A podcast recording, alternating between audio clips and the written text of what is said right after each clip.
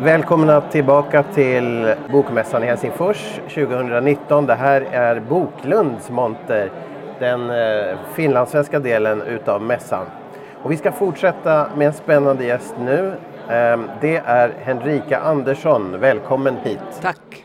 Vem är Henrika Andersson först och främst? Henrika Andersson är en människa, inte en tigerfisk.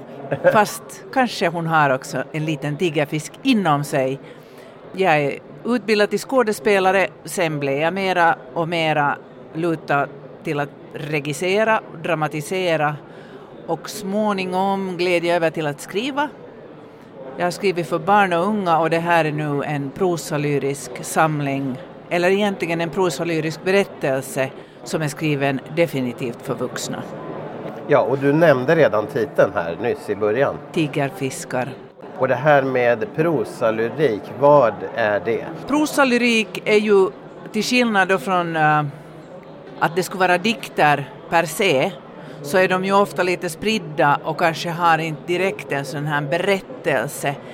Här finns ett tydligt narrativ, här finns två personer, det är en skådespelare och en annan person som stiger in som byter skepnad ganska mycket. Så det, samtidigt pågår här alltså ett kortspel mellan de här två personerna. Uh, frågan är sen vem som vinner och vem som förlorar och vilka det är. Så att så, att så tillvida en, en prosalyrik har prosans berättelse och dramaturgi. Här är tre delar i berättelsen, precis som det finns tre akter ofta i en pjäs.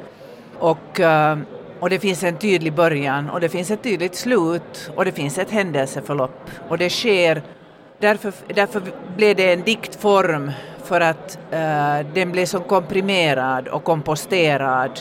Men jag skrev de facto först en roman. Okej, okay, så det är en omvandlad sen? Ja. ja. Aha, så finns det kvar? Uh, grunden, skelettet, finns absolut där, det vill säga romanen som handlar om uh, teatervärlden, en svart satir. Den blev väldigt uh, många gånger omarbetad. Jag skrev den sju gånger om, den första versionen år 2006. Så det här är ett material som jag har burit med mig väldigt, väldigt länge och som sökte sin form. Och sen när romanen skulle komma ut förra hösten så drog jag tillbaka den. Okej, berätta om den processen. Uh, det, var en, det, var en, uh, det var på det sättet en, en, en process som, som lärde mig mycket men jag insåg helt enkelt att den här protagonisten i romanen, den här skådespelaren, jag hade väldigt svårt att tycka om henne. Hon var ganska... Um, ja, hon var, hon, hon var en ganska knoppisk person. Och uh, jag ville skildra alltså teatervärlden med stor kärlek eftersom uh, jag upplever att teatern är mitt andra hem. Men samtidigt ville jag också skildra de fula fiskarna. Och det som jag insåg det kom precis i samma svallvåg som metoo. Och då insåg jag också att när den lästes av, av en del personer så läste de den som en nyckelroman och de försökte spåra så att säga vem som är vem. Och det, var, det föll utanför min intresseram. Jag är helt ointresserad av skvaller, jag är intresserad av mönster, stora perspektiv och jag insåg att det här vill jag inte helt enkelt lägga ut. Den här stenen vill jag inte kasta. Och det var väldigt tungt eftersom jag hade jobbat så länge och satsat så mycket, vilket gjorde att jag förlorade nattsömnen. Jag tänkte att nu bränner jag upp det här, nu är det avslutat, jag berättar inte det här, det här är gone.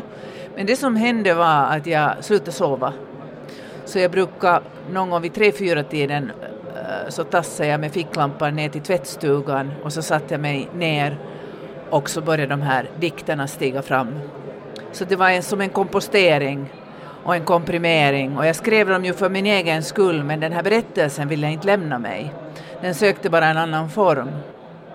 Och det är så intressant för jag har aldrig tänkt att jag skulle skriva dikt. Det kändes väldigt främmande på det sättet, In, inte främmande uh, i den bemärkelsen att, att jag inte tycker om dikt, för det gör jag, jag har alltid läst dikt. Uh, min pappa var en stor poet, jag lever med en poet. Så att det på något sätt har varit också en lite förbjuden mark. Så jag vågar ju inte ens visa det här eller ta upp det. Men jag var tvungen helt enkelt att bejaka det som kom, det som handen och pennan och huvudet ville.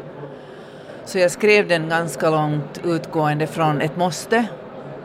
Och det var inte tänkt egentligen ens att det skulle publiceras, men Sen småningom började jag tycka att det ändå var någonting som hade kommit till en punkt som inte handlar om något slags terapeutiskt personligt helande utan, utan det är en stor, berätt, liksom en stor berättelse men i väldigt litet format och den rör sig helt och hållet på den mytiska ni nivån med undervattensvärlden. Det vill säga, de rör sig hela tiden under vattenytan i undermedvetna. Och hur för man fram det här Jo, genom att konkretisera det till fiskar. Där finns alltså tigerfisken, där finns sjölejonet, där är hammarhajen, där finns torsken. Och, och, där, och på det här sättet så tror jag också att det är lättare att ta till sig en berättelse som, som har ett botten i ett ganska tungt tema. Men det här med teatern, finns det alls med? Hela tiden.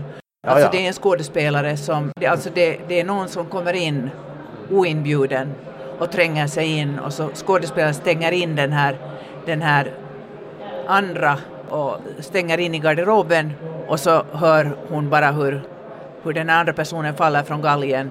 Det, det är ganska, ganska mycket galghumor i den här. Alltså det är mycket humor och det är mycket ordlek men samtidigt tror jag att det är väldigt nödvändigt att det finns just av det med tanke på att sen när man börjar dyka ner i mörkret så är det ganska mörkt. Men tanken var också att jag inte reds mörkret utan om man möter det så möter man därmed också möjligheten till att finna ett annat rum och ett annat ljus. Jag tror, precis som alla skådespelare vet, att det enda du kan göra är bejaka. Och det gäller också i den här boken. Men det här med titeln tigerfiskar, är det bara en av de här fiskarna eller har just tigerfiskar en betydelse? Särskild betydelse i berättelsen? Uh, tigerfisken, uh, om man tittar noga på titeln så ser man att den är uppdelad i två, det är två verb. Det är tiga och det är att fiska. Och tillsammans utgör det tigerfisken. Och tigerfisken rör sig med strömmen, har lärt sig att gömma sig och vet när man kan hugga. Det vill säga här finns, om jag får läsa ett stycke eftersom du ställde den frågan, det är här i början Barnet är snabbare än silverfisken i springorna mellan badrumskaklen. Allting blänker. Tanken, huden. Livet bultar i varenda såpbubbla. Hon måste vara steget före. Det är i och för sig inte svårt. Gubben i badet är berusad och trög, försvarslös mot såpbubblor och smicker. Barnet tar det hon vill ha, det hon behöver offrar endast en liten bit av sig själv. Hur stor bit? Hur många bubblor finns i ett barn? Och vad händer då skummet lagt sig, vattnet kallnat, karet tömts på innehåll? Ett annat hav, rent och stort med tigerfiskar. Också när det blåste såg hon bottnen, ynglen som pilade mellan sjögräs och tång, gömde sig under ruskor, mellan stenar. Hon var en av dem, snabb och med förmågan att göra sig osynlig, hugga då det behövdes. Barnet, både fiskare och fisk, lärde sig att träda mask på kroken, sänka betet ner i djupet vänta in. Hon kände vindarna och vågens krusning innan hugget. I den stunden var hon Gud, håret fallande i vattnet, ögon utan nåd. Först då fisken stötte nosen mot den repade plasthinken drabbades hon av insikten om den förlorade friheten. Ändå släppte hon inte tillbaka fångsten. Bara den minsta, som ännu inte förstått att inte låta sig luras. Gubbarna som steg in i natten. En del satte sig på sängen, andra lade sig i. Tillplattad löja, ett sjölejon med mycket dålig andedräkt.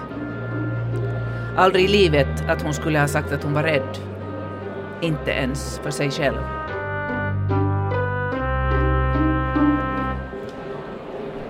Det här är tvättstugan. Mm. Vad, vad, vad var det där? eh, Var, varför gick du dit och vad hände där? Det blev tvättstugan helt enkelt för att jag inte bor ensam och för att jag inte vill väcka familjen så därför uh, sökte jag mig någonstans där det ändå fanns någonstans att sitta och en lampa att tända. Och, och, det, där, och det blev nu sen tvättstugan. Men vad, okay, men, men vad hände där? Du, du beskrev ju det, att det var där du, det bara kom fram eller? Alltså jag, jag är en sån här... Um, jag tror att jag inte skulle ha överlevt om inte jag skulle ha börjat skriva. Jag började skriva när jag var fyra år gammal och det var mitt sätt att, att formulera någonting ogripbart, att helt enkelt ge en form åt världen och verkligheten och känslor. Här finns mycket om ord som, är, alltså, som kan låta som dikt, men för mig är högst verkligt. Det vill säga, så här upplevde jag det som barn och så här upplever jag det fortfarande.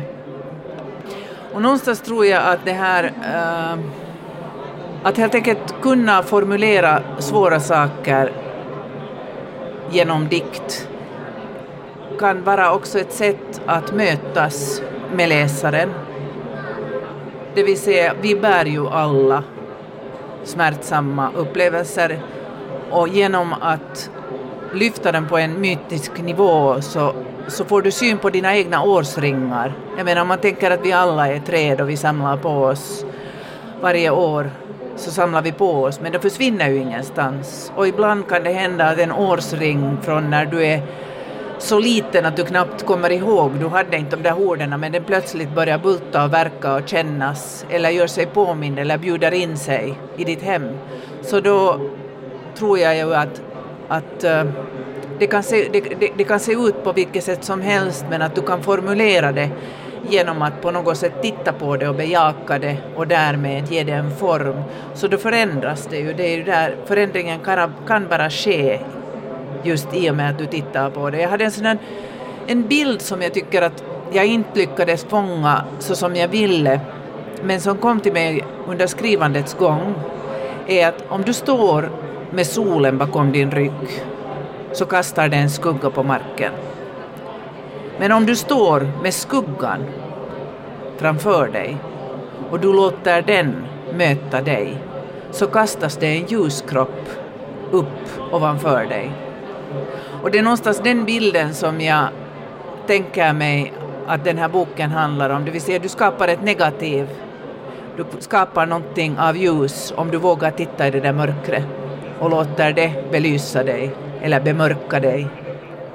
Så det är en hoppfull vända synen egentligen? Absolut, absolut. Ja. Henrika Andersson, tusen tack. Tiger fiskar ska man nog säga då. Tiger fiskar, var får man tag på den? På Adlibris finns den eller sen på Marginals hemsida. Eller sen kan man skriva direkt till mig ett mejl så okay. kan jag skicka den. Jag har hemma en hel del exemplar. Och hur når man dig? Genom att gå in till exempel på min hemsida www.henrikaandersson.com. Den är inte väldigt uppdaterad men där finns mina uppgifter. Tack så mycket Henrika, jättefin stund. Tack.